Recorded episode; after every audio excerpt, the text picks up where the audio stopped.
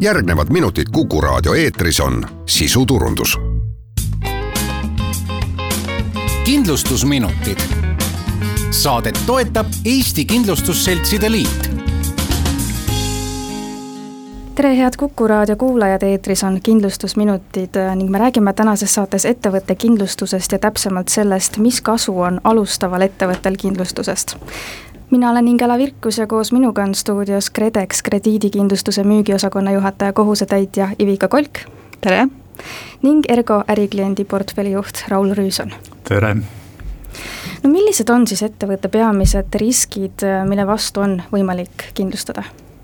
võib-olla alustaksin isegi natuke üldisemalt, et mitte nüüd nii väga kohe kindlustuse keskselt, et kui me ettevõtte riskidest üleüldse räägime, et siis siis iga ettevõte on ju üldjuhul ellu kutsutud selleks, et kasumit toota ja tema, tema põhiline äh, eesmärk on siis tagada selle ettevõtte äri jätkuvus. ja enne kui nüüd kindlustusteemadesse minna, siis, siis mulle tundub vähemalt, et iga ettevõte võiks, võiks kõigepealt proovida ise oma riskid ära kaardistada, et millised need riskid või riskigrupid on, mis mis tema seda äritegevuse jätkuvust võiksid mingil määral ohustada ja siis sealt edasi juba siis samm-sammult, et äh, läbi erinevate meetmete, ega siis kindlustus ei ole ainuke riski maandamise meede, vaid, vaid üks paljudest, et äh, läbi erinevate meetmete siis leida see tasakaal, et millised äh, riskid võib-olla kellelegi partnerile lepinguga üle anda või, või millised riskid siis konkreetselt kindlustada. Mille vastu täpsemalt on võimalik kindlustada, et mida ettevõtte kindlustus endast täpsemalt kujutab, et see on ju küllaltki ainulaadne lahendus veel Eesti turul noh, eks ta selline, selline kompleksne kindlustuslahendus kipubki olema, et äh, tulenevalt erinevatest äh, ettevõtte tegevusaladest, et võivad need äh, riskid, mida on vaja maandada, olla, olla ka kindlustuse läbi erinevad, et et kui me ma ei tea, võtame siin mingisugusegi konsultatsiooniäri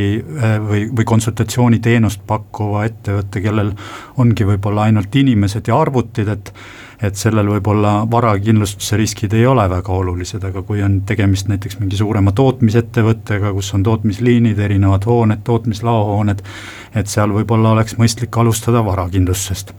aga kahtlemata sinna juurde haakuvad ka siis äh, näiteks vastutuskindlustusega seonduvad teemad, et äh, no ühe näitena näiteks, et äh, ehitustöid pakkuv ettevõte, kes käib võõrastel objektidel midagi paigaldamas või, või ütleme näiteks mingeid tuleohtlikke töid tegemas, et väga lihtne on sealt saada endale mingisugune kolmanda isiku nõue kaela, et, et seal sellise ettevõtte puhul jälle võib-olla see vastutuskindlustus on märksa olulisem kui, kui varakindlustus aga varakindlustuse juurde veel võib-olla, et äh, mida meil Eestis võib-olla natukene napib, on, on siis äh, selline teema nagu ärikatkemise kindlustus, et äh, mujal maailmas lahutamatu osana varakindlustuse juures kaasamüüdav asi, meil võib-olla hinnanguliselt kuskil no ütleme alla kümne protsendi või, või kuskil seal pluss-miinus viis protsenti varakindlustusega kaetud ettevõtetest on ostnud omale ka, ka ärikatkemise kindlustuse, et et võib-olla siinkohal siis kutsuks üles mõtlema just ettevõtteid äh, ka selle peale, et et äh, lisaks sellele varalisele kahjule, mis, mis konkreetse juhtumi tagajärjel võib saabuda, see ärikatkemisest tulenev kahju võib olla märkimisväärselt suurem ja, ja eriti just, kui me räägime alustavatest ettevõtetest, et siis äh, nende puhul võib olla neid vabu vahendeid, et, äh, et mingi hetk nagu ise elus püsida ilma äh, Äh, ilma sissetulekut omamata võib olla päris keeruline, et see, siin võiks tulla väga hästi kindlustus appi. Ivika, kuidas võib-olla sealjuures krediidikindlustus abiks võiks olla? krediidikindlustus äh, on enim levinud äh, kindlustusliikidest erinev, kuna ei kindlustata ettevõtte endaga seotud riske, vaid ostjate makseriski ja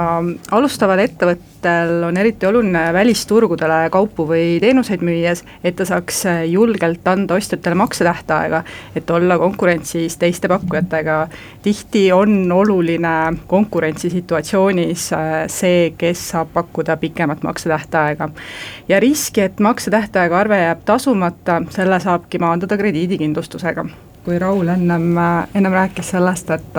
et kuidas ettevõte saab hakkama, kui vahepeal sissetulekuid ei, ei ole,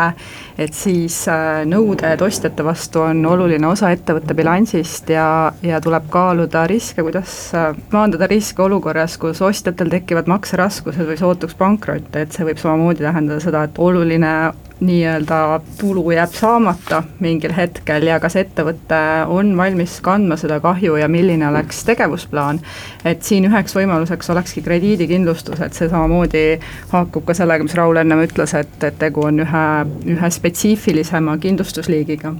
ja kuidas siis äh, krediidikindlustust äh, planeerida, et kindlustamisel tuleb prognoosida müügikäivet ja hinnata seda, kui palju igale ostjale krediidilimiiti soovitakse ning millises äh, summas soovitakse kaupu või teenuseid krediiti müüa. ja tähelepanu peab juhtima sellele, et äh, kindlustuse poole ei pöördutaks siis, kui juba on näha ostjate raskused arvete tasumisel ning arved juba on ületanud maksetähtaega, et kui äh, ostjatel juba on võlgnevused, siis enam neile kindlustust pakkuda ei saa, et seega see on äh, selline risk, millele peaks kindlasti mõtlema enne, kui makseraskused juba käes on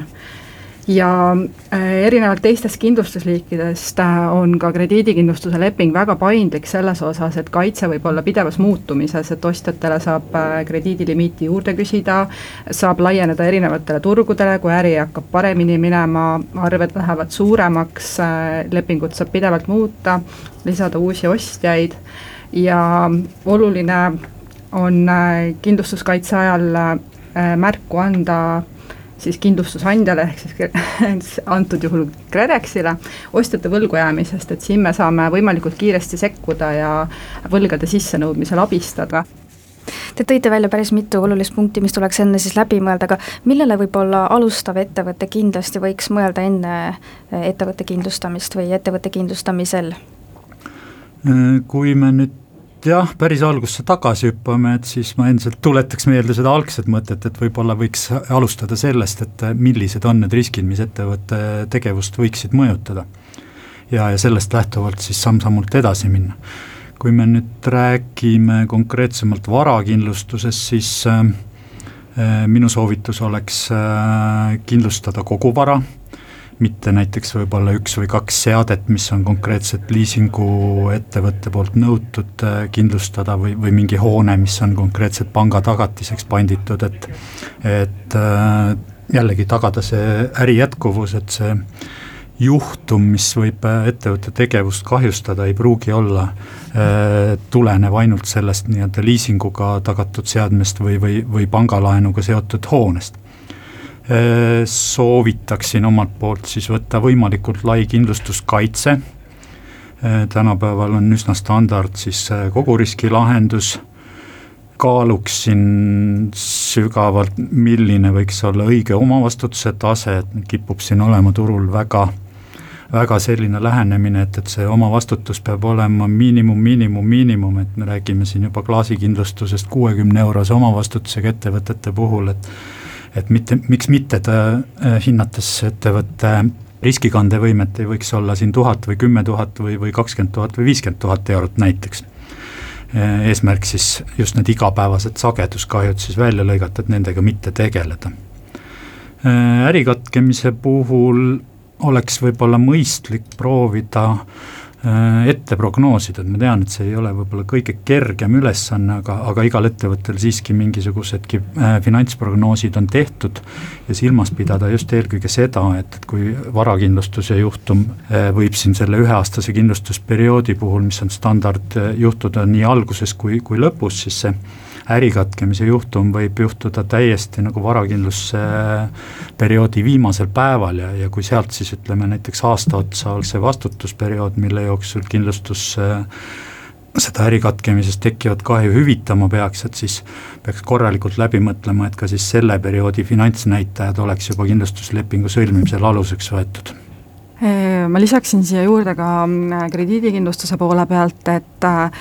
et äh, alustav ettevõte on tõenäoliselt alguses väikeettevõte ja väiksemale ettevõttele võib saada saatuslikuks ka ühe ostja makseraskus või ka ühe suurema kaubapartii eest mittetasumine. Et äh, kui ostjate arved on kindlustatud, siis äh, tasub krediidikindlustus kuni üheksakümmend protsenti kindlustatud arvete summast. Ja alustaval ettevõttel on kindlasti oluline likviidsus, et äh, krediidikindlustus annab eelkõige julguse müüa kaupu või teenuseid pikema maksetähtajaga ning suuremates summades. ja samas see aitab alustaval ettevõttel müüki kasvatada kindlustundega, et kui arved ei tasuta, katab võlgnevuse kindlustus siinkohal me ka lõpetamegi, suur aitäh kuulamast, mina olen Ingela Virkus ja koos minuga olid stuudios KredEx krediidikindlustuse müügiosakonna juhataja kohusetäitja Ivika Kolk ning Ergo ärikliendi portfelli juht Raul Rüüson, aitäh teile saatesse tulemast ja nõu andmast! tänud kutsumast! aitäh! kindlustusminutid. saadet toetab Eesti Kindlustusseltside Liit